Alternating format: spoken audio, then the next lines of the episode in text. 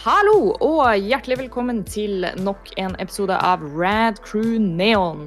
Radcrew.net sitt uh, fantastiske popkulturshow hvor vi kommer til deg og snakker om alt mulig innenfor popkulturens verden.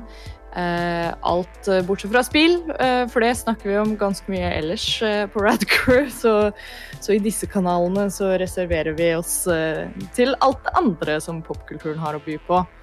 Uh, mitt navn er Ida Joint. Jeg er programled... Øh, programleder. Kanskje jeg bør lære meg å, å, snakke ordentlig før jeg fortsetter nei, med det her, men nei, nei, uh, det er i hvert fall meg.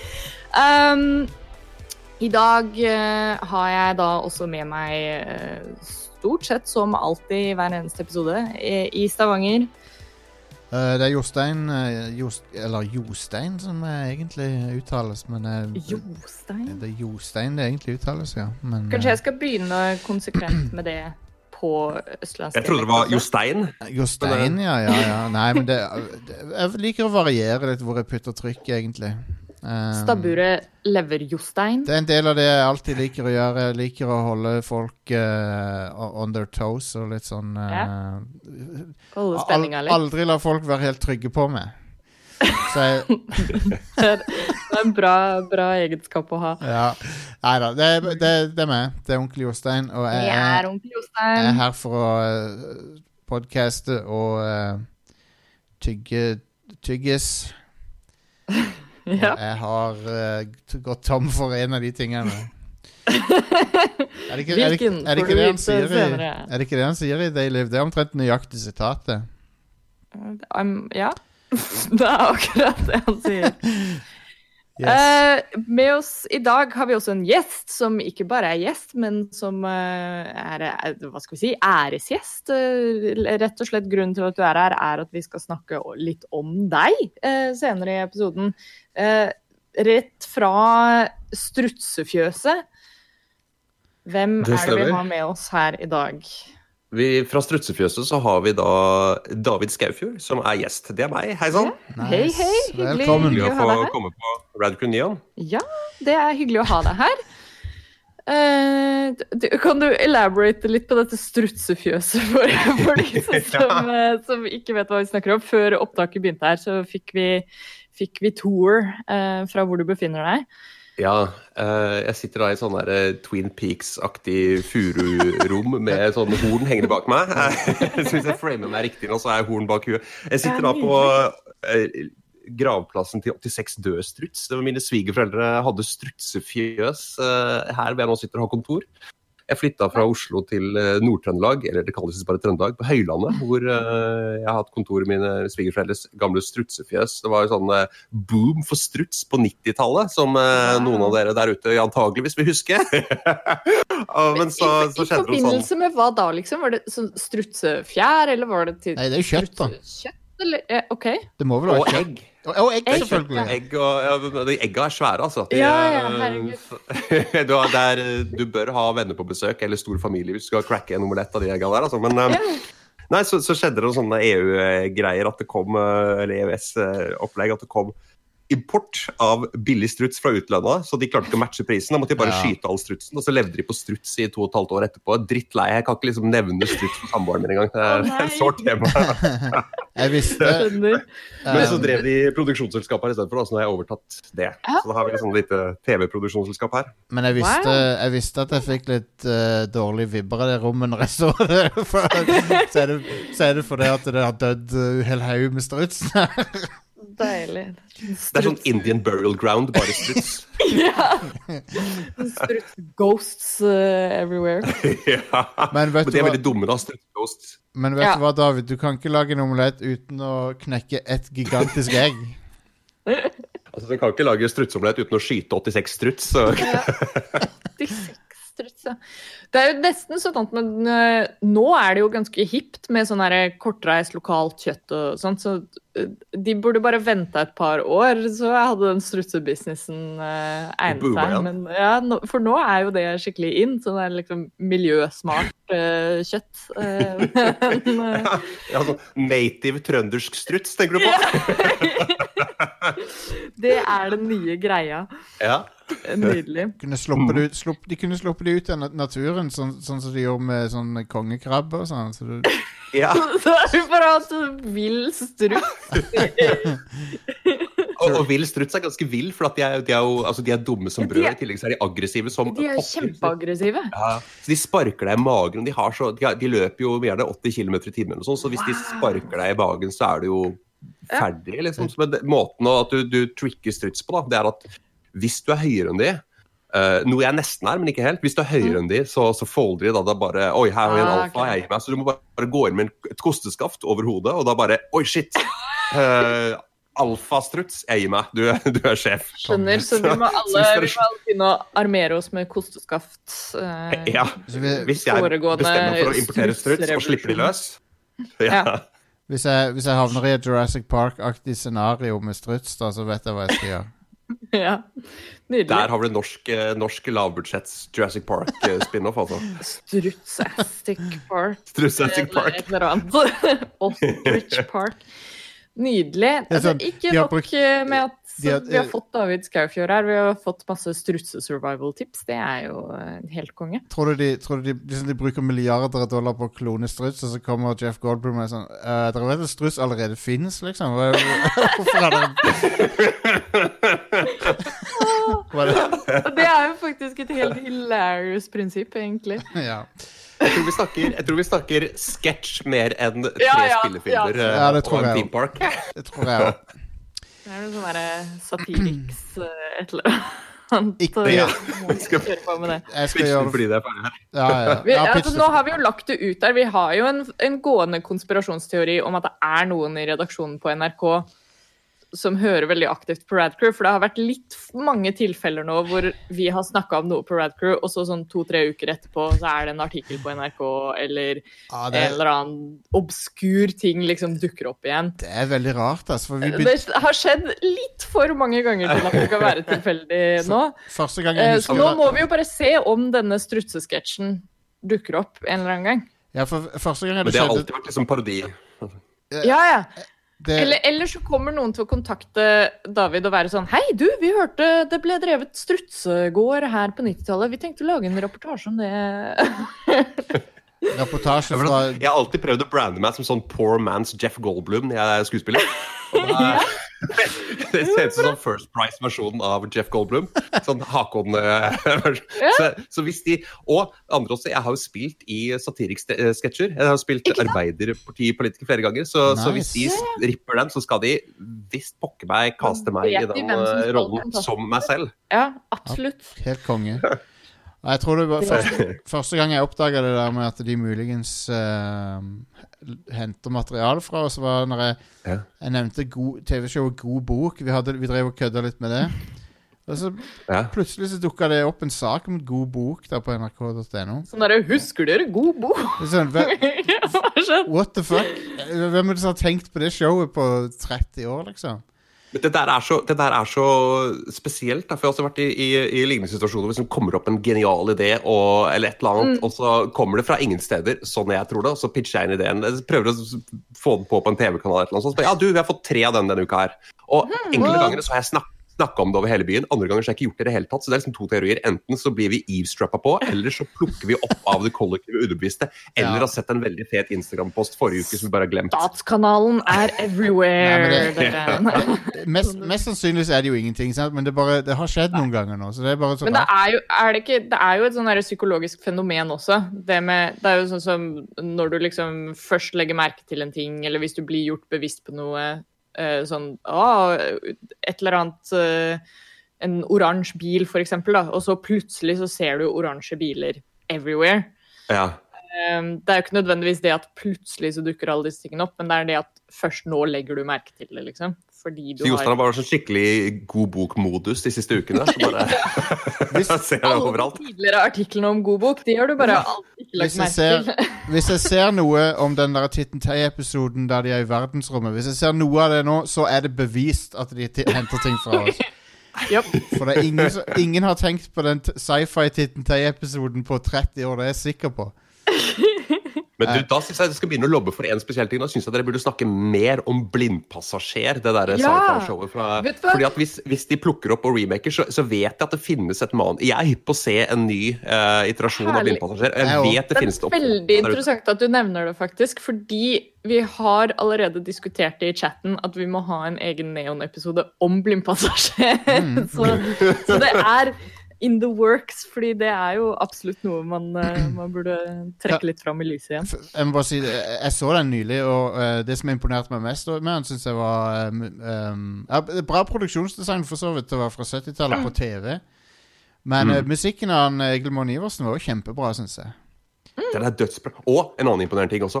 Starten. Den, den filmen her kom for ett år før Alien, Den åttende passasjer. Og starten er identisk. Ja, han er det. Han er det.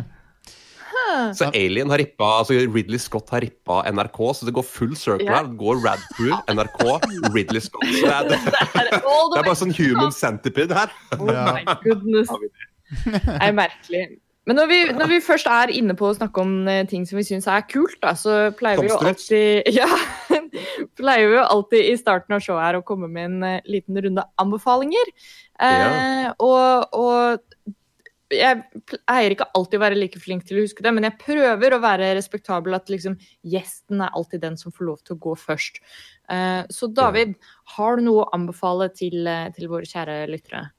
Ja, uh, det har jeg, kjære lyttere. Uh, da jeg bokstavelig talt en halvtime før sendinga nå, så logger jeg på Quibi eh, for første gang. Oh, Queeby, ja. Den Jeg har sett så mye reklame for det. Jeg tenkte sånn der, ja, nå skal, jeg, nå skal jeg sjekke det ut. Og da viser det seg at det er uh, nye episoder av et av mine gamle favorittshow, Reno 911. Oh.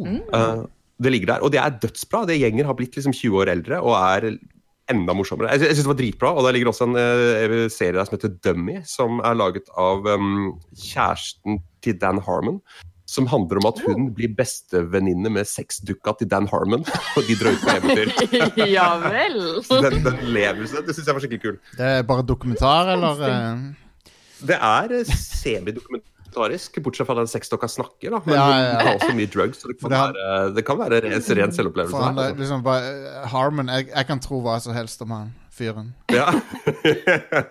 og hun har brukt han ganske fritt i det showet her. Han er liksom en karakter i, i det. Men det, det var veldig kult. veldig kul. Jeg står helt på egne bein uten Altså, liksom, Det blir liksom feil å pitche inn fordi at det er kjæresten til Dan Harmon som lagde det, men det, det, er et, eh, det, er jo en del av, Ja, ja, av showet at det er det det handler om, og det var sånn jeg oppdaga det også. Han, han la ut mm. noe om det. Og ja, hva mer da? Jeg hørte Jo, Rob Lowe har en ny podkast, og den er Oi. hilarious. Jeg visste ikke at Rob Lowe var morsom. Han er hysterisk. Han har mye sånn gamle SNL-gjester på, som David Spade og Wow. Colin O'Brien. eh, Så det er blitt kjempebra. Den synes jeg er veldig Den heter Literally, som er catchphrasen hans fra Parks and Rec. Ja, ja, ja. ja, ja. Den, Har du sett, apropos at Rob Lowe er innmari morsom, Uh, uh, har du fått med deg eh, Han har sånn beef gående på Instagram med sønnene sine. Har det, ja. Eh, eller Så han og sønnene hans da, de, eh, Det er sønnene hans som liksom kommenterer på hans bilde på Instagram og driver og disser han.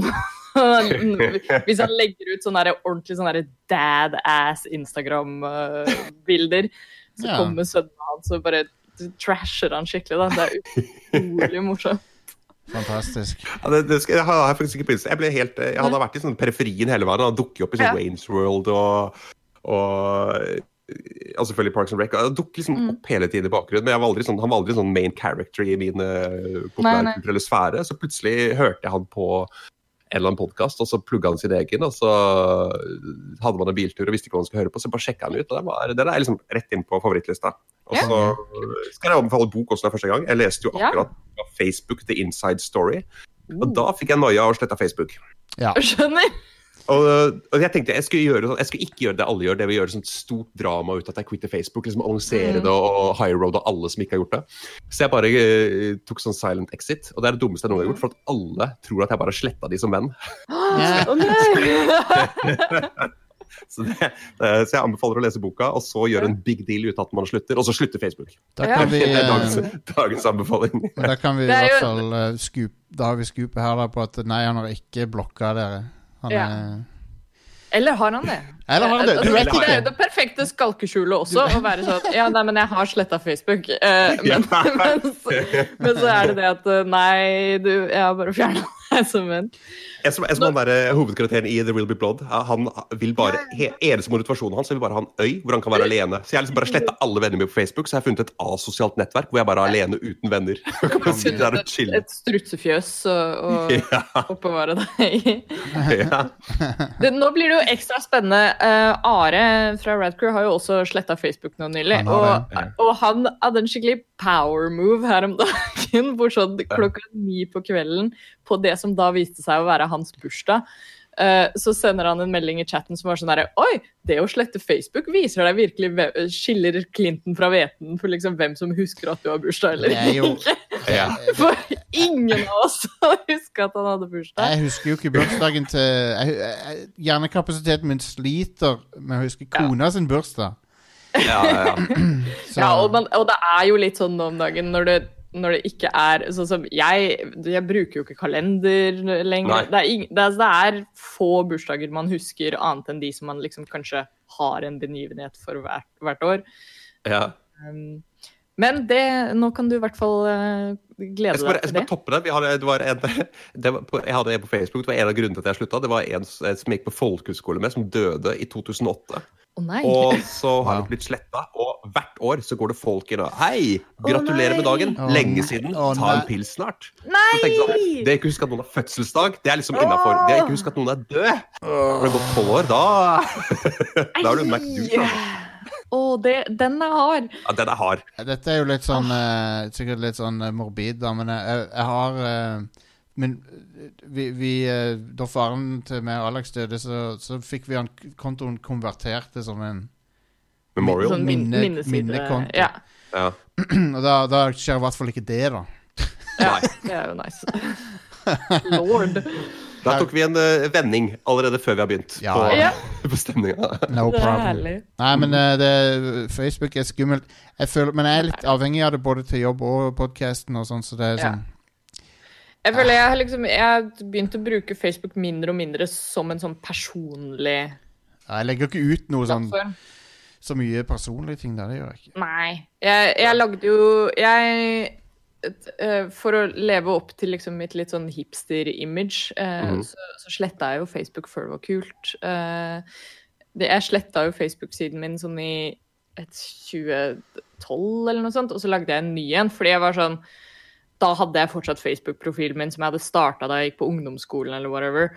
Og så var jeg sånn, åh, orker ikke å gå gjennom og drive og slette alle bilder eller untagge meg selv i ting. og sånt. Så da var det bare sånn, nei, vi bare sletter den, og så starter vi på nytt.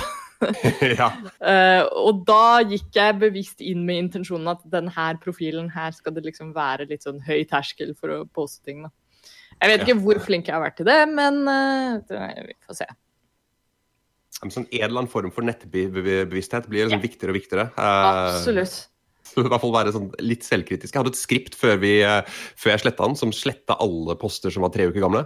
Nice. Eh, Men det som var, hvis jeg hadde kicka i gang en, eller annen diskusjon, da, og folk begynte å diskutere, og det, det levde litt, den diskusjonen, så plutselig ble alle mine poster fjerna. Så da virka det som jeg bare backa, at jeg liksom gikk aggressivt ut, og så bare trakk meg ut. Jeg var ikke så aggressiv på de postene, men at det plutselig bare du, du, du sier noe, så er det på nett, så folk er ikke ekte folk, og så plutselig angrer du dagen etter, og så fjerner du, og så er det bare en Ja, ja. du, så blir de andre svarene stående. Så det var også en del av online. Bare eh, livet mitt, da. Ghost-diskusjon. ja. Um, yeah, yep, jupp. Men dere må Eh, anbefale noe, dere, da? Ja. Uh, Mm. Jeg tror egentlig Kan jeg spå at vi har samme anbefaling, Jostein? Ja, egentlig. Jeg tror vi kommer begge, begge med samme her. Men det er den uh, um, uh, Faktisk, uh, så noe, noe, jeg skulle, noe jeg egentlig trodde på forhånd var veldig sånn overfladisk og mainstream, uh, som det ikke er noe galt i for øvrig, men det, er ikke, Nei, nei. men det er ikke for meg hvis det hadde vært det. Det er den High Score på Netflix. High Score heter han.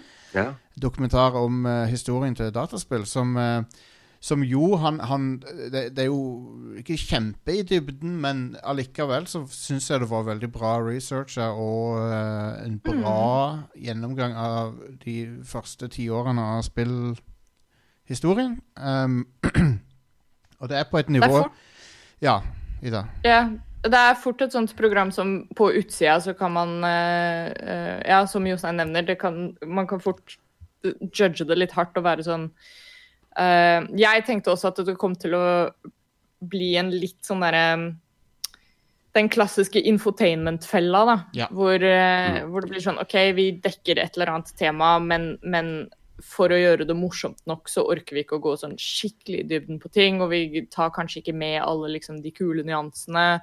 Uh, og ja, som du sa, dekker det litt sånn overfladisk. Ja. Eh, men jeg syns de håndterte ting veldig bra her. Produksjonen er også kjempebra. Uh, igjen, det går jo i litt, litt i sånn infotainment-baner. Det er mye sånn kule animasjoner og, og litt sånn artig måte å, å, å frame de forskjellige intervjuene og sånt på.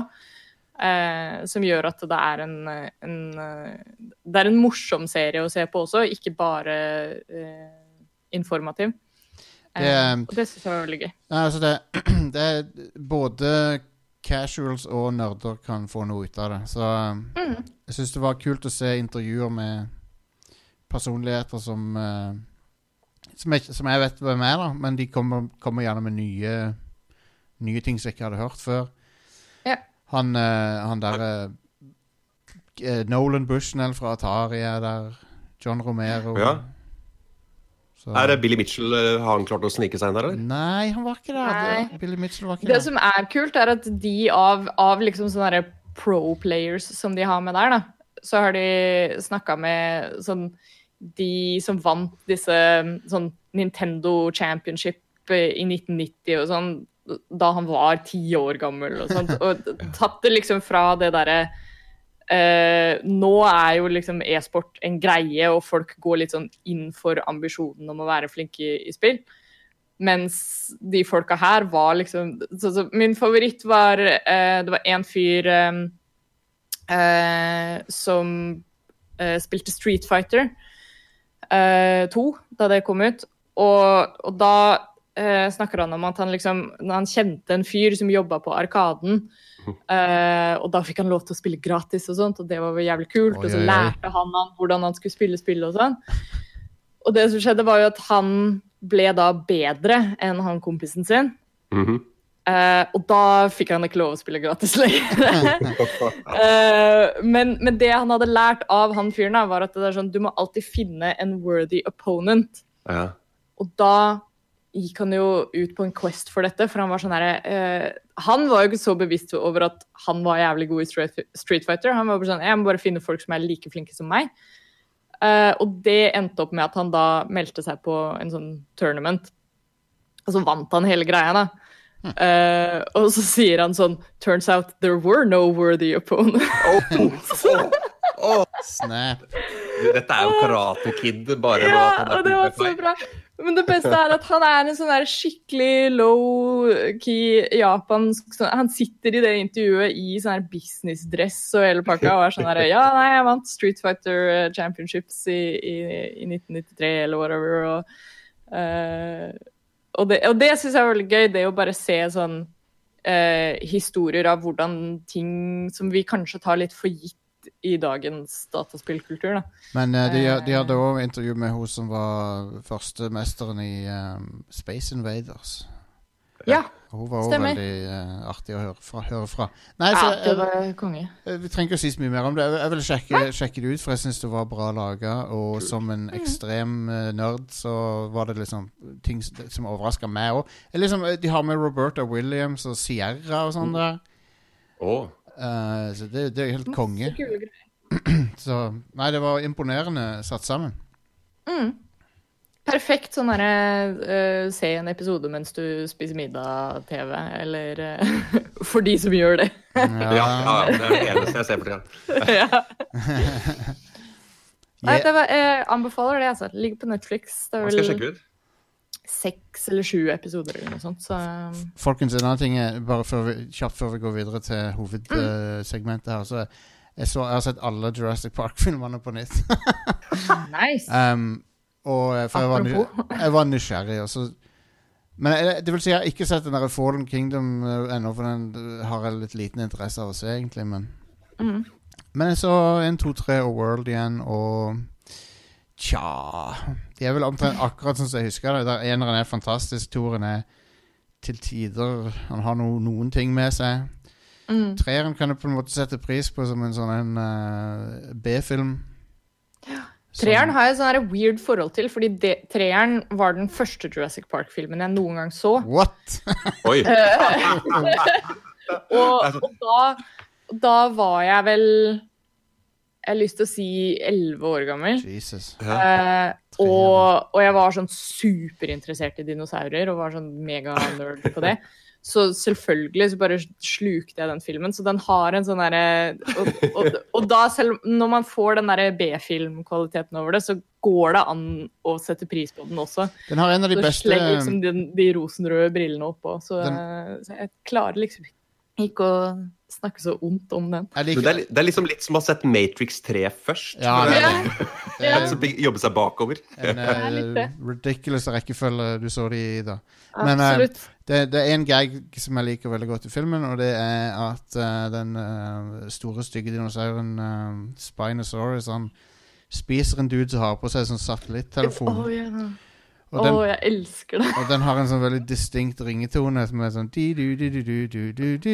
Og så, eh, så, så er det et sted ute i filmen der de plutselig hører den ringetonen. Og så, eh, det, og det er fordi dinosauren står rett bak de og har den i magen, liksom.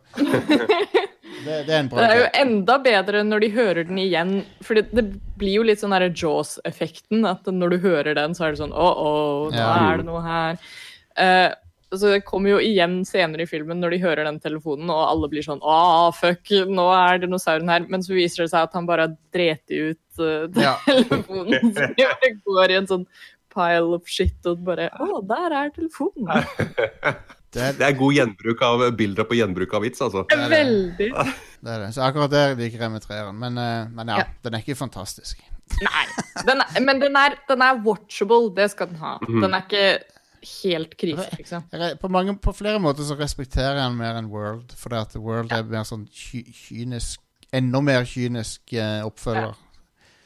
Som eh, Når det er sagt, så jeg, jeg kan anbefale deg å se Fallen Kingdom egentlig bare fordi det er et ganske kult premiss i den. Ja, men jeg, jeg, jeg, Men dessverre, men dessverre så waster de det litt. jeg, fikk, jeg fikk med meg den ene tingen i bli, filmen. hadde, det vært, hadde det vært en science fiction-film liksom ikke i Jurassic Park-franchisen, så kunne det blitt Ja, dritfett. jeg vet hva du snakker om. Jeg, jeg likte ikke den Ja. tingen. Så når jeg leste det, fuck, det der. Jeg gidder ikke å være med.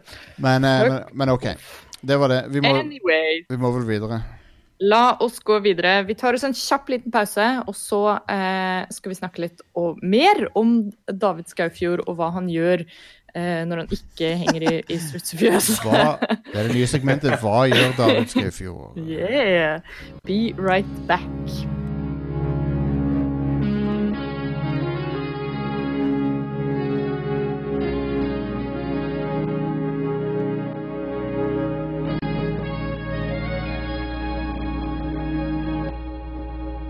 Da er vi tilbake. Eh, og eh, David, grunnen til at eh, du er her i dag, eh, er jo eh, eh, Du Ikke også Ikke struts! Tro det eller ei. Eh, du sendte oss en, en hyggelig melding på Twitter her for litt siden, eh, hvor, hvor vi fikk tilbud om å få tilsendt en bok. Hva dreier dette seg om, David? Eh, dette dreier seg om uh, tegneserieromanen Sidequest, som eh, kom ut eh, forrige uke.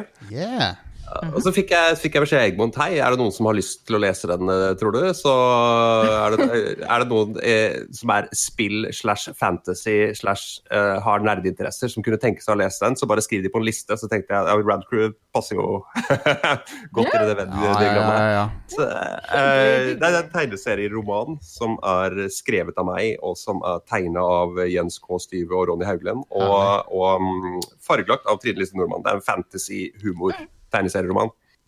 Som handler om sånn Yes. taperne i altså, Sånn jeg solgte den inn til forlaget, var at for enhver helt i eventyrene, så var det tusenvis av tapere, unnskyld, jeg mener så klart strebere, som ikke nødvendigvis nådde opp til de store høydene. Og dette er deres historier. Så det er liksom historien om liksom naverne i Midgard, da, eller hva man kan si. De som aldri Nice. helt fikk det til. Fantastisk. no- Noen måtte jo jobbe på gulvet også. De, de, de tingene som aldri kommer fram i fantasy-eposene, de hadde jeg lyst til å fortelle om. da. Veldig Eh, god, Kult. Uh, go godt premiss. Ja. Og jeg var, jeg var og henta sett bok på eh, postkontoret i går, Ja. og har nå lest den, lest den ferdig. Uh, og jeg må si at uh, det var en skikkelig fornøyelse, altså. Det, det, er, det er akkurat som, som Egmont sa der, folk som er interessert i spill og fantasy og har litt sånn nerdeinteresser, Ja. eh, kommer nok til å kose seg gløgg i hjel med den her.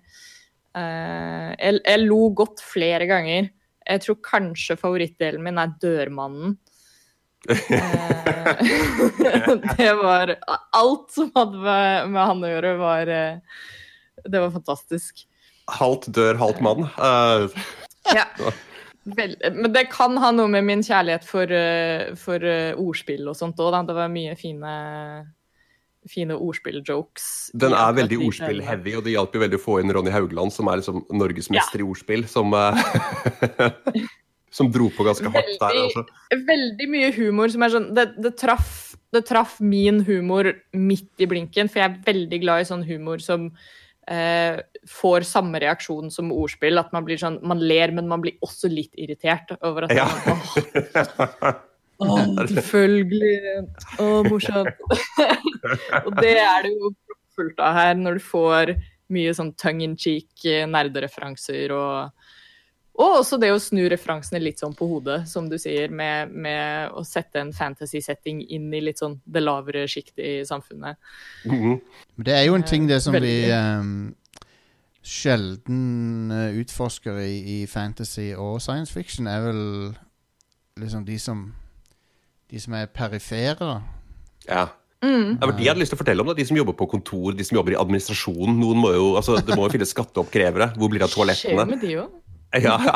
Finnes det ikke noe overvektig alver med hentesveis? Altså, det var liksom de, de store spørsmålene da, som jeg har lyst til å utforske i denne boka. her. Så det går liksom bak kulissene i, i eh, Hva er det? Skal vi si South Park møter Ringenes herre. Ja. Det er jo um, slags, eller, har, du, har du lest noe Terry Pratchett, David? Å, ja. For det er jo, han, han er, har jo tendenser til det der av og til, og er litt sånn Veldig. Har noen taperkarakterer og sånn.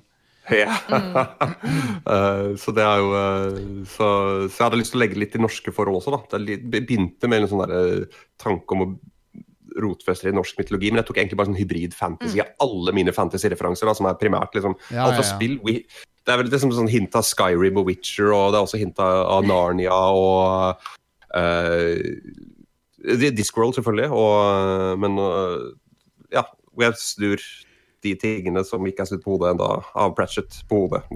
Forsøksvis. Ja, ja, herlig. Jeg ser veldig fram til det sånn sjøl òg. Jeg, jeg regner med jeg kan låne den av Ida. Så, um, eller, eller, vet, du hva? vet du hva? Enda bedre. Skal ta, jeg skal ta og motherfuckings kjøpe den mens vi sitter her. Ja, vet du hva? Du kan, jeg kan, oi, nå, nå, nå går jeg glipp av et salg. men Hva hvis jeg sender dere et par kopier som dere kan gi ut til premier, et eller annet sånt, så kan du snike til dere selv? For at, eh, Det er en sånn mulighet dere kan gjøre hvis dere har konkurranser eller noe sånt. Det er jo, eh, det er jo helt Det eh, er vanvittig bra. Mm. Det kan vi gjøre. Jeg tror, jeg tror det er mange Rad Crew-lyttere som vil sette pris på det her, for det er eh, eh, mye bra jokes her, og mye kul Nå, humor. Og jeg, og jeg syns uh, Ja. nå, nå hørtes jeg veldig cheap ut når jeg foreslo å låne av Ida. Det var ikke meninga. Du foreslo også å kjøpe den. ja, jeg gjorde det. jeg gjorde det, og det. Så, så Ja. jeg bare innså det med en gang jeg sa det. Bare ups, kanskje jeg heller skal fuckings punge ut for han, men Men eh, no, noe å, eh, gi, å gi vekk som, som en premie, det hadde vært fantastic. Det kan Jeg skal hooke dere opp, som vi sier i eh, bokbransjen. Yeah. Du har, du har noen bra hookups eh, i bok, eh, blant bokfolk. Jeg har i hvert fall en liste med bøker som jeg kan, eh, som jeg kan gi bok og bort. Og det er, jeg tror alle i familien min forventer å få den til jul nå, så jeg skal liksom bare surprise dem. Åssen er det det? Med å gi dem, noe, gi dem noe helt annet enn det de fikk. Ja. Liksom. Så det, så det som jeg setter pris på, på som du har gjort her, er at uh, Så min det, det, som jeg, det som jeg savner ofte for, det, Og jeg vet jo at det lages, da, men, uh, men jeg syns norske tegneserier ofte er veldig basert på enkeltstriper. Ja. Så jeg, Veldig. jeg liker at det lages la, ting i lengre format, da. Som er norsk. Jeg har alltid vært en sucker for de lengre formatene. og det er, jo, det er jo, Du har en veldig sterk tegneserietradisjon i Norge, og nå i det siste så har jo uh, det begynt å komme Du har jo hatt lengre tegneserier tidligere. Du har liksom hatt Christopher Nilsen sine ja, ja, ja, gata-tegneserier og sånne ting. Men, men, det segmentet som, som, man er i her, da, så det er ganske begynt å komme seg de siste par årene. Blant annet Malin Falk, som um, som bør sjekke ut på Insta. Hun er jo en fantastisk tegner som har laget Nordlys-serien. Og nå for tiden er hun inne i sånn rerun av Zelda Breath of the Wild, så hun driver bare og tegner sånn Zelda-tegninger som er helt amazing. Men hun har fått utgitt flere bøker i den nordlyssjangeren, som også er en sånn derre norrøn mytologi slash eh, manga-inspirert fantasy. Og så har du en som heter um, Odin Jeg har glemt etternavnet hans, men han ga ut bok denne uka, han også, som heter Ragnarok. Så pl plutselig har det begynt mm. igjen, da. Når, når, når, det plutselig kommer en, så kommer det mange. Uh, re uh, god bok. Ja. ja. så, nei, men jeg er også veldig glad i det. Så jeg har alltid hatt lyst til å Jeg har jobba som stripetegner i Jeg jobba som stripetegner da jeg var student, og et par år etterpå, og så sluttet jeg med det for å begynne å jobbe i, mm. i film og TV. Men så, så, så, begynte jeg med tegneserien, og da tok jeg opp den der drømmen om å lage en lengre tegneserie. da, Men så fikk jeg også to tegnere som var langt bedre enn meg på laget, til å lage denne tegneserieromanen. Ja, du har jo, så, du har jo, eh, du jo laga enkeltstriper som er morsomme òg, så det, det, for all del, det, det, er kjempekult. Jeg bare syns det er kult når du Kult at du tok steget med å gjøre noe helt annet, annet enn det du har gjort før. Ja, det var, jeg synes det var, veldig, det var veldig gøy å gjøre. og Jeg har jo jobba i lengre format i TV og ja. i film. Da har jeg mm. med det. Men jeg hadde ikke gjort det i tegneserie før. Så det å liksom kombinere de to erfaringene var jo egentlig Pluss at uh, Fantasy kommer med en prislapp på 50 mil hvis du gjør det på film. Og ja, ja, ja. synes om det. Tegneserier så er liksom uh, litt lettere Litt lettere å altså, Ikke at jeg lagde den for at det var lettere, men det var mer for at jeg, da kunne jeg gjøre akkurat men... hva jeg ville. Um, det som så, uh, det, denne typen sånne humoristiske lengre hefter eller bøker eh, Det har liksom vært domenet til, til fransk eh, ja. tegneserieindustri, det. Mm, veldig. De har en veldig god mm. tradisjon for det, og det handler jo om mange som leser også. Da. Det er jo det er ikke noe sterk lesertradisjon for det. Altså, sånn, uh, st st du har jo hatt en liksom vrang seriekultur i Norge, fordi at folk flest har ikke klart å leve av det. Så det har liksom vært et hobbyprosjekt for veldig mange tegnere, bortsett fra de som er på, på toppen. da, ja. som, som, gjør det veldig greit. Du har jo veldig mange sterke serietegnere, men du har jo uh, veldig mange seriestrippetegnere. Ja. Selv om man jobber i avis. Mm. De, de, de, har en helt annen dayjob, og det er jo klart at hvis du skal levere hver dag 365 dager i året, ja. så kan det bli litt slitsomt å, å gjøre det som side hustle. Og en, eh, en, annen ting er jo at før, før på 80-90-tallet så hadde vi jo flere blader som folk kunne jobbe for. Ja. Mm. Og de har jo falt vekk i stor grad. Ja, det er tragisk. altså det er, Print har gått eh, litt i dass. Eh, folk kjøper det ikke så mye, og da blir det mindre penger i det. Og det er jo trist å si, men at penger styrer jo en del av den bransjen. Og ja, ja. så har du fantastisk mye på Jeg, jeg leser jo de fleste tegneseriene mine på Instagram nå, jeg syns det er en fantastisk seriekultur der. Folk som bare gjør det mm. av ren passion for at de liker å lage serier, ikke for at de chaser en av sånn milliondrøm som, som det, er, det, er, en veldig stor kultur eh, på det også, som er, som er kjempeinteressant. og Um, og, og, man ser vel kanskje det mer og mer nå at uh, det blir en slags sånn krysskultur mellom Ja, som du sier, det er vanskelig å kunne leve av bare det å drive med tegneserier. Så du har flere som, som eh, frilanser, som illustratører og, og, andre ting også, men, men da legger man så ekstra godt merke til når tegneseriene kommer ut, så er det sånn Det er ofte passion projects, da.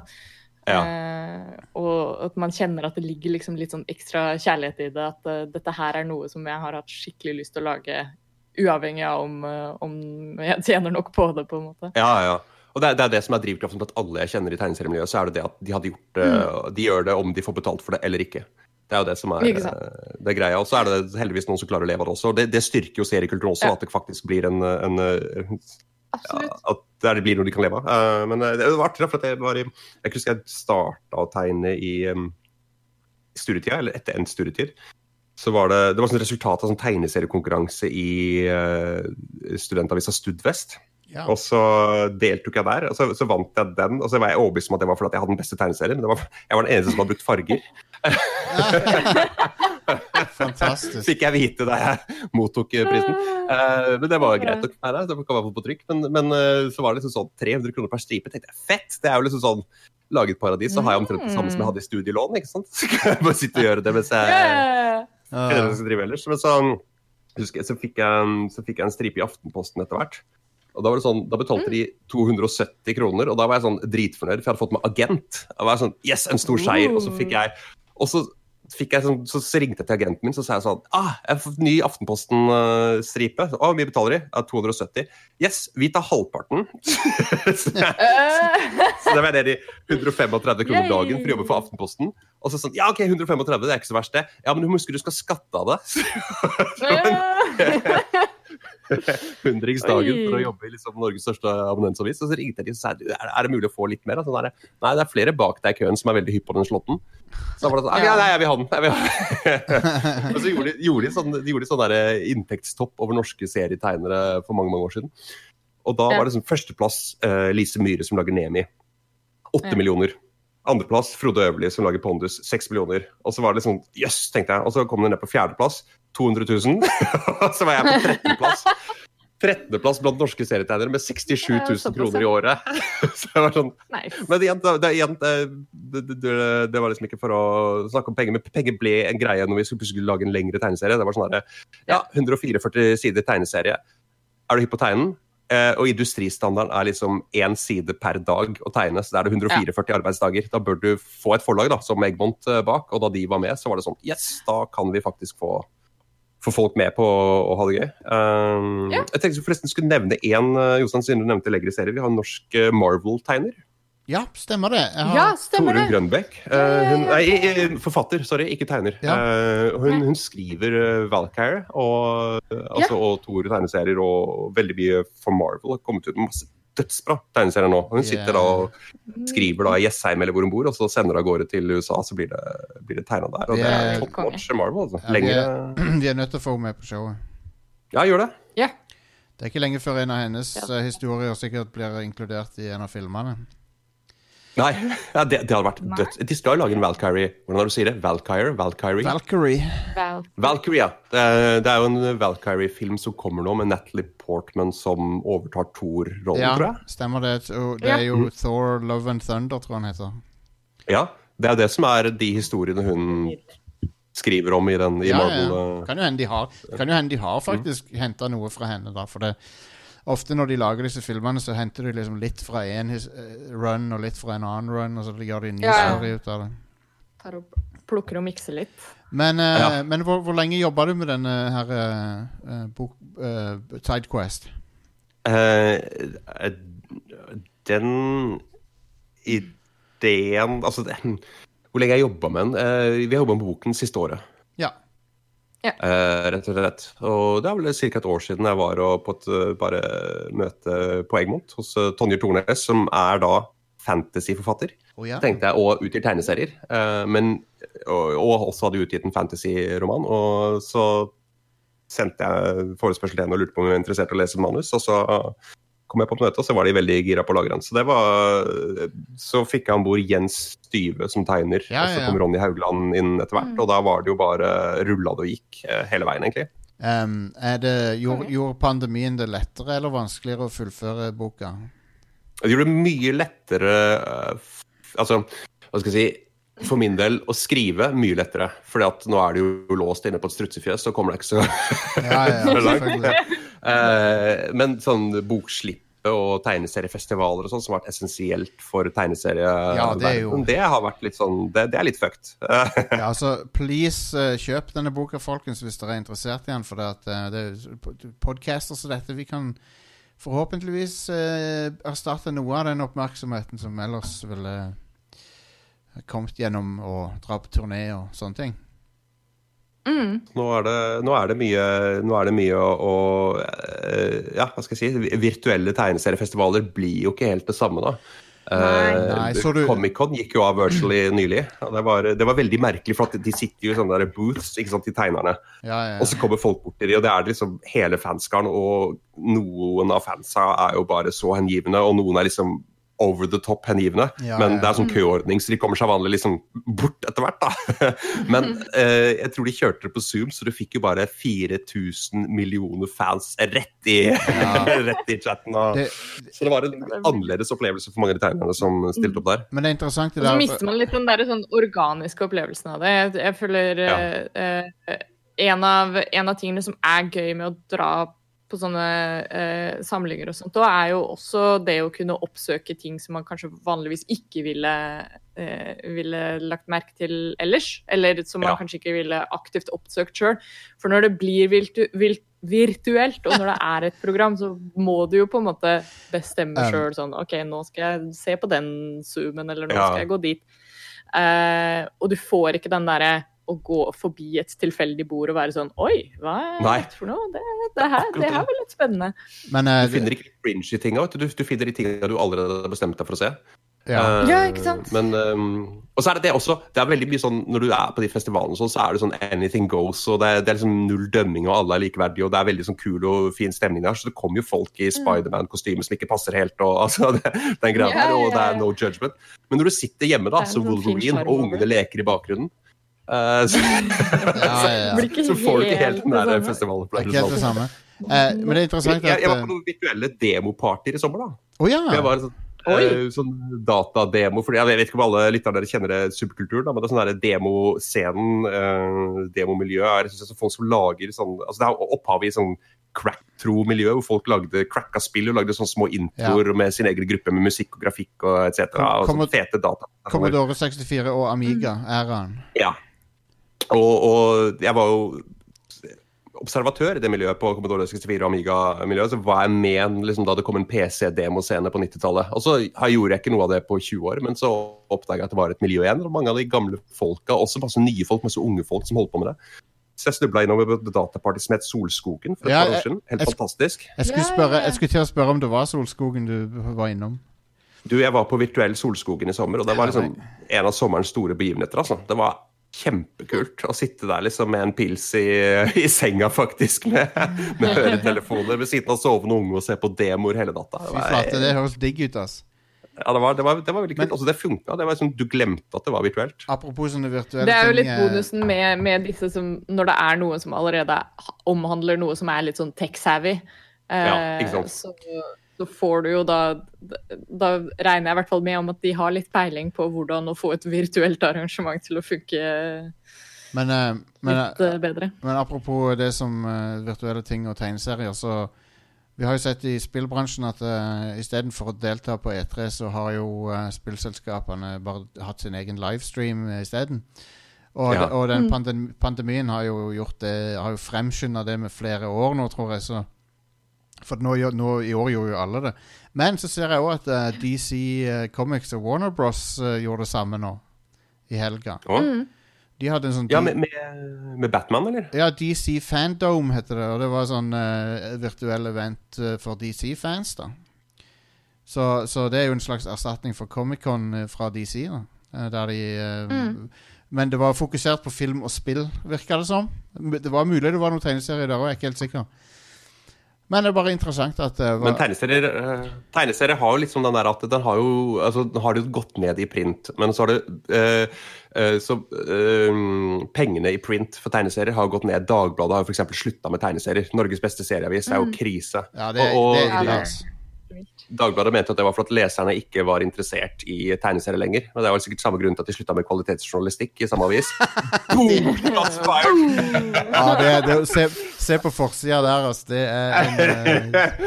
Men, eh, men uh, du har jo også migrert tegneserier da inn i digitale format, men betalingsmodellene har ikke alltid kommet seg da. Men jeg leste jo faktisk, altså, apropos uh, Torunn Grønbekk, jeg leste jo tegneserien hennes digitalt. Kjøpte de på Comixology.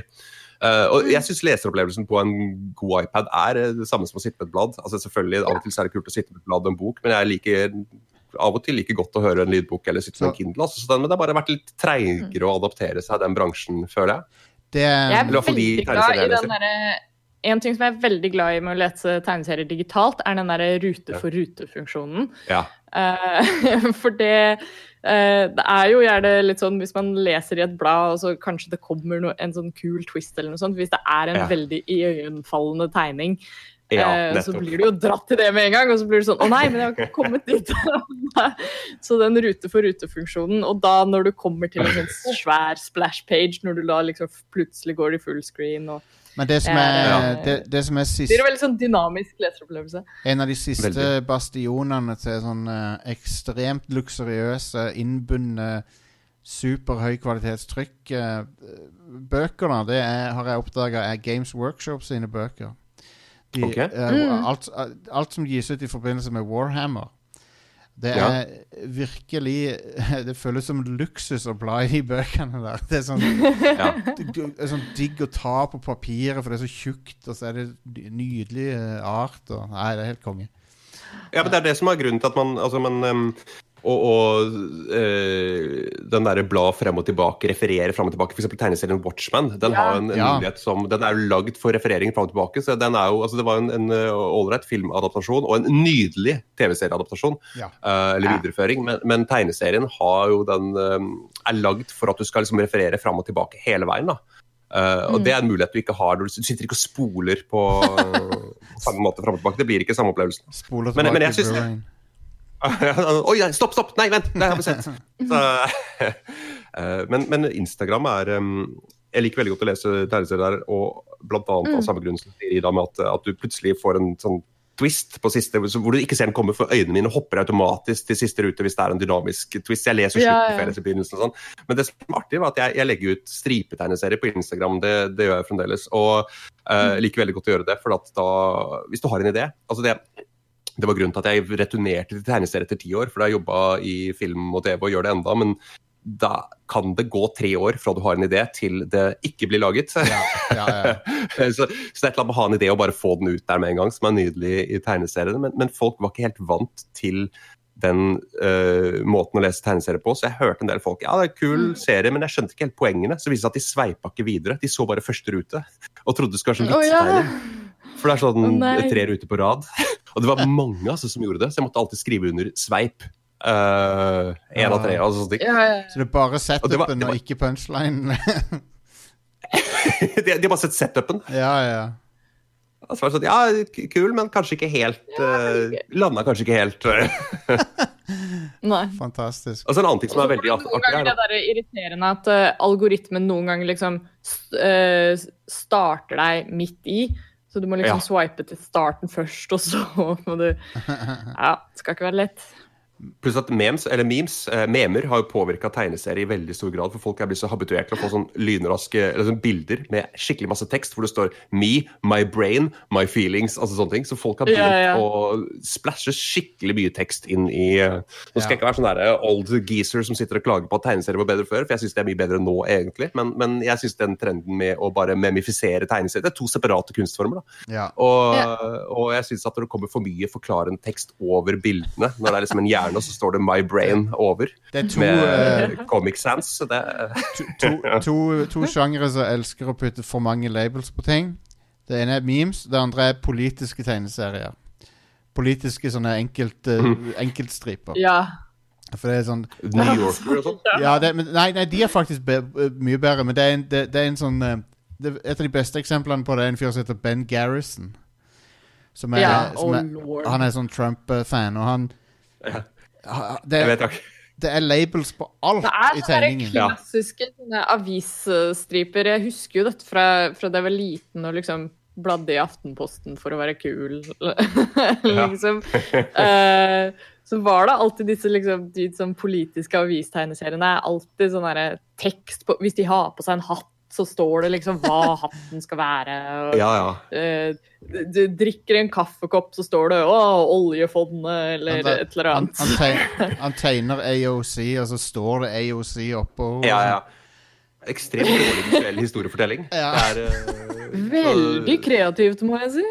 Men det derre der eh, right wing comics altså, det var et sånn nytt fenomen for min del. For at venstresida har jo tradisjonelt sett hatt monop- humormonopol. da. Ja, ja. så eh, begynte å dukke opp liksom sånn derre uh, Mye sånn eh, for, for Inngangen min til det var at jeg var alltid Dilbert-fan før i tida. Oh, god damn it. Han, Han, nei! han, Og han har jo tatt et leap, han har tatt et giant leap. Han er blitt sånn super Trump-supporter og gitt ut flere. Eller faktisk, han påstår han ikke supporter, han påstår han bare er en analytiker som snakker om Trump, men han er helt besatt av Trump og utgitt flere bøker om han.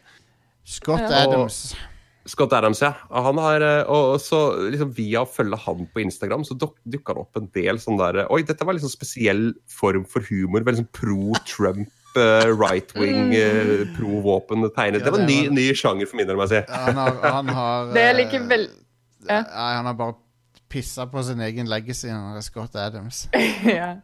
Det, er, Det det, var en spesiell twist. Sånn, det jeg liker veldig godt med mye sånn right wing-humor, er at uh, veldig mye av det blir sånn uh, accidentally at de beviser det motsatte, på en måte. Eller, Ja, det er eller det, det, sånn, gjennom, gjennom et forsøk på å være morsom, eller noe sånt, så beviser de at jo, jo, men du er egentlig enig med venstresida. Og så faller de, og så faller de inn i fella Det med er en at veldig eh, bra de, ja, de, de Det er en veldig bra Twitter-konto på det som heter Accidentally Left Wing. Ja, ja, ja. Eh, som ta- tar fra mye sånne eksempler hvor folk er liksom sånn derre Hvis vi skal få gratis uh, healthcare, betyr det at folk som at Hvis vi ikke kan kjøpe mat, så må vi få gratis mat også, da? ja kanskje. Ja, det, det er en, en bra ting. Det er, det, er, det er så viktig, for at den type humor appellerer jo bare og Det er jo også altså, venstreorientert humor, høyreorientert humor. Appellerer Ja, ja. bare til målgruppa. Du vil jo aldri konvertere Nei. noen med en Trump-fiendtlig tegneseriestripe. På samme måte så vil du aldri konvertere noe med en sånn anti-liberal Å, skal vi liksom gi healthcare til folk som bor på gata også? Er det greia? Ja, så, så, det er jo sånn internett og verden har blitt. Bare Ja, ja, ja. ja. bare, det er to supersterke ekkokammer på hver sin side som ikke har noen form for Mm. dialog. Det blir spennende, sp spennende valg. Ja, det blir det. Herregud. Absolutt. Men Det eh, blir show! de, de har jo Men det er da eh, enda godt at vi har disse humoroutletene, da. Herregud, så deprimerende Ja. det hadde vært uten. Men eh, tilbake til boka di, David. Um, Den er ekstremt right-wing. og Ja, ja, ja. vil jeg plugge. Ja. den, den, eh, den er jo eh, den er jo overhodet ikke politisk, men den, den prøver å ta en sånn samtidsting på kornet. da. ja. Så jeg prøver å legge ting fra nåtid inn der. Uh, så du, har jo, du møter jo annet på Odins soldater uh, i den ja, boka. det var morsomt. Konge. Det er bra. Så skal ikke spoile hva som skjer. Jeg er veldig glad i, i sånn humor som, ja, som du sier, tar for seg liksom litt samtidsproblemer, men, men også gjør det litt sånn subversive.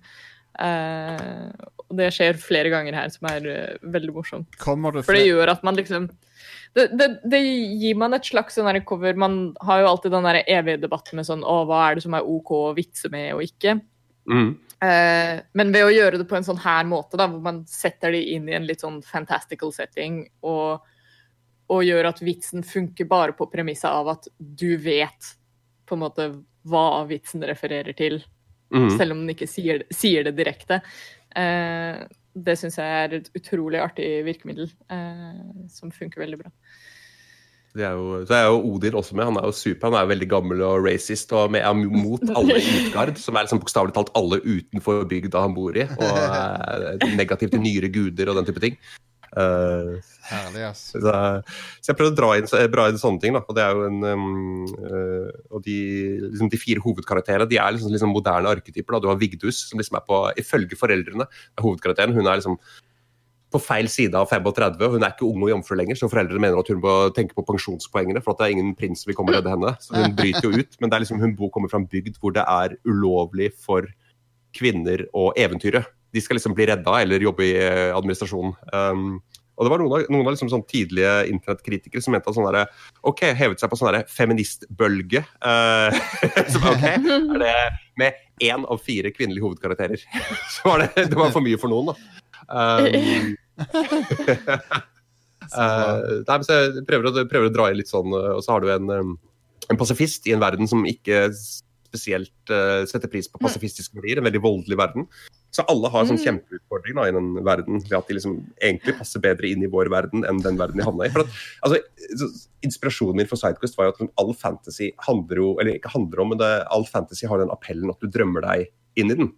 Det, det er liksom Ja. så da, det er så Narnia da jeg var liten. Så, å, så fett det hadde vært å leve i den verden. Spille Witcher, så det gjør jo det for det er kulere å henge i Witcher-verdenen enn det er å Absolutt. og av og til henge i vår verden. Men her er det fire folk som er fanga i en fantasy-verden og bare hater den. da. Så det var også en, av, en av grunntankene, for at uh, gresset er jo alltid grønnere på den andre, andre siden. Så, eh, så prøvde jeg å dra inn Og plutselig at jeg alltid syntes det var veldig artig, da, noe jeg drar inn i senere Sidequest-manus som jeg har skrevet, at all sånn der um, tidlig fantasy er jo veldig kolonial. F.eks. i Narnia så er det sånn du har fire Ja, ja. briter eh, som kommer til en fantasyverden. Det er jo ikke min observasjon, det er liksom en, en lånt observasjon. Du har fire briter som kommer til en fantasyverden, og de er automatisk bedre til å regjere i den fantasyverdenen. Ja, de er-. Sånn. Det så det er sånn britisk imperialisme som har sneket seg inn der, og det, det, det har det. Og så Ringenes herre har også preg av det. Sånn, ja, du har noe Ja, sånn ja, der eh, The master of all races er noen sånne små hvite kids, liksom. Så, Ja. det er liksom sånn, man, man, man kan se det ja, Jeg skal ikke gjøre sånn altfor stort poeng ut av det, men jeg synes det er sånn, her er det jo en verden hvor det er forskjellige raser. da. Yep. Uh, Mm. som hobbiter. Uh, som havner i klammeri med Odins soldater fra page one, liksom. Mm. Det er herlig. Uh, jeg ser veldig fram til å lese den sjøl. Det, det blir helt uh, sjef. Det, jeg jeg, jeg så, jeg ser en preview nå på seri.no uh, med de første sidene. Du kan bla litt igjen. Ja, Konge. Kongestil Nice. på det. Digger det.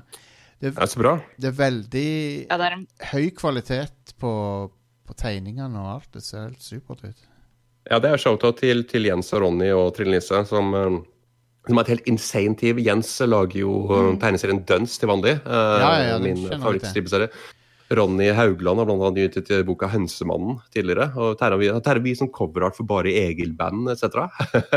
og Trine Lise Normann hun skal jo få Dette er hennes nå jeg vet ikke om det var pga. Sidequest, men i denne perioden her har hun begynt å fargelegge for Pondus. Og hun har en uh, Instagram-konto, Seagurdy, altså C som i SEA, Ja. GRD. Uh, super, ikke bare fargelegger, men en tegneserietegner også, som er veldig sånn fantasy-faun-orientert. Så sjekk ut, uh, sjekk ut staben, altså. De, det er jo, altså igjen, du spurte hvor lang tid jeg, har brukt, jeg har brukt på denne boka her. Jeg har jo brukt antageligvis minst tid på denne boka Ja, her. ja, ja. De andre har sittet og svetta over Det, et det er det som er fordelen med å skrive det, at du kan, du kan f tenke deg fram til alle de fantastiske tingene, og så må noen andre ta og så, eh, tegne det.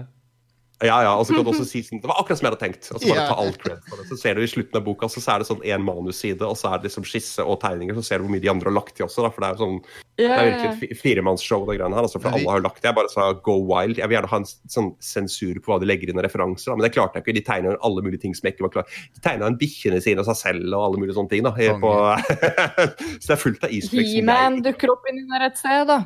He-Man fikk være med. Uh, yeah. Se fram til uh, et eller annet potensielt Disney-søksmål inni der også, men det kan vi ta en annen gang. Eh, Det får bli en annen sak.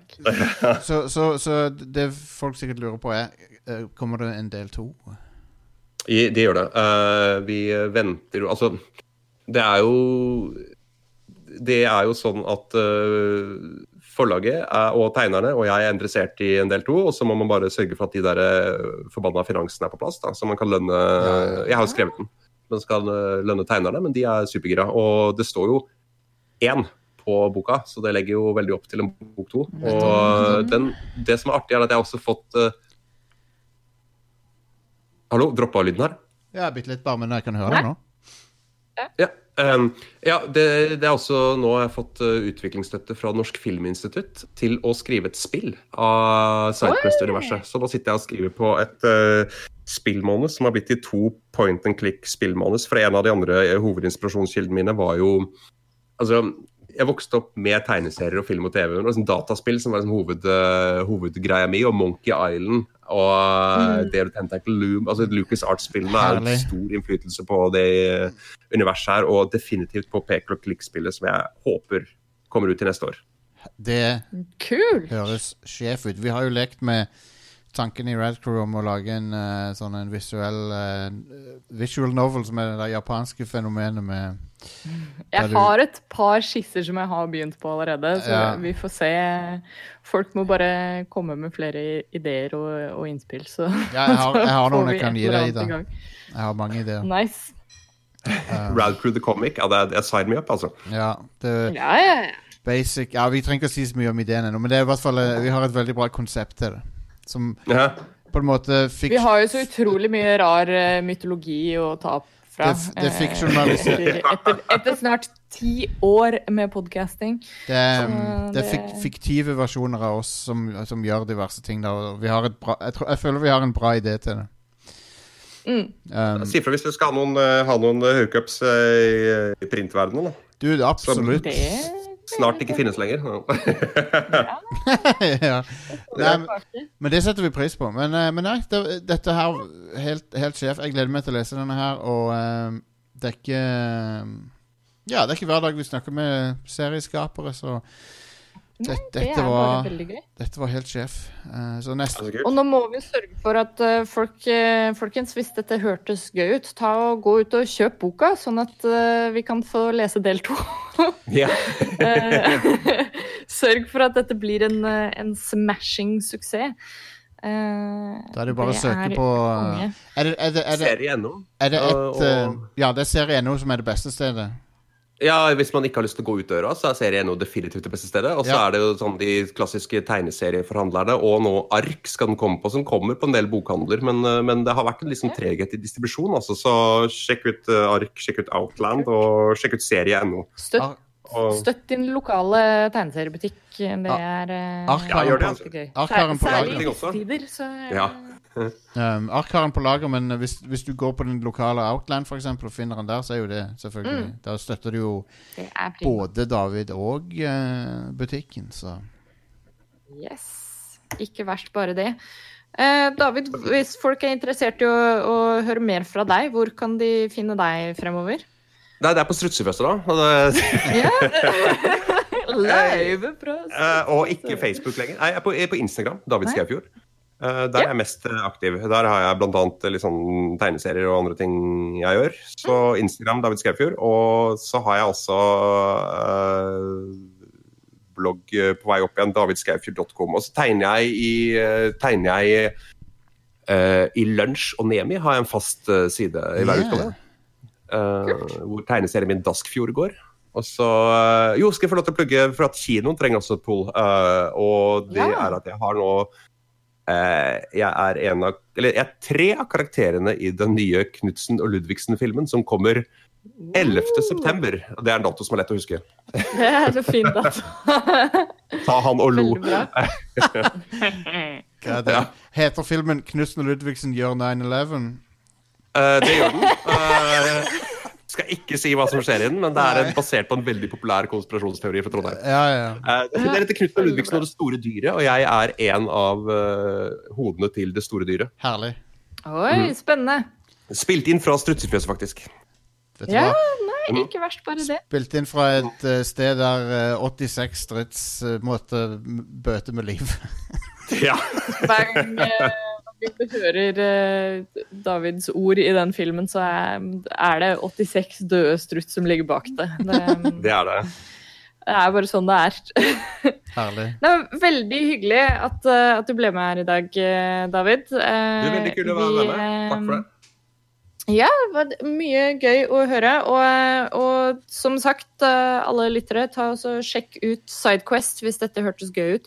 Eh, og, og selv hvis du ikke syns det hørtes gøy ut, hvis du er interessert i, i fantasy og sånt, så, så tror jeg du ville uh, likt denne tegneserien veldig godt. Uh, annet enn det, når du har lest ferdig Sidequest, så kan du jo da komme tilbake hit på radcrew.net. Der er det masse mer greier å sjekke ut. Ta en tur inn på radcrew.net slash keepitrad hvis du har lyst til å se uh, info om eh, premiumprogrammet vårt, hvor du kan eh, støtte oss uh, litt ekstra. VIP-loungen. Eh, og Hæ? Det er VIP-loungen vår. Radcrew Vi burde jo endre adressen til det. Radcrew.net slash viplounge. Så får du exclusive access til bl.a. Uh, Radcrew Nights, uh, vår premiumpodkast, som uh, handler om alt og ingenting, egentlig. Mest ingenting, kanskje. Um, Onlyfans.com Og, eh, slash Jostein har du òg. ja, ja, ja. Ja. det- Den er Er det nok interesse, så, så skal vi ikke se bort ifra at noe sånt noe dukker opp heller, vet du. All, alle monner drar, er Ja. ikke det de sier? Jo, jo. Uh, anyways, inntil Onlyfansen vår er oppe og gå, uh, så, så, får du i hvert fall uh, henge med oss i Radcrew Discorden og Radcrew Community på Facebook. og inntil videre så, så, får dere ha en, en riktig fin Ja, når denne episoden kommer ut, så er det vel teknisk sett ikke sommer lenger.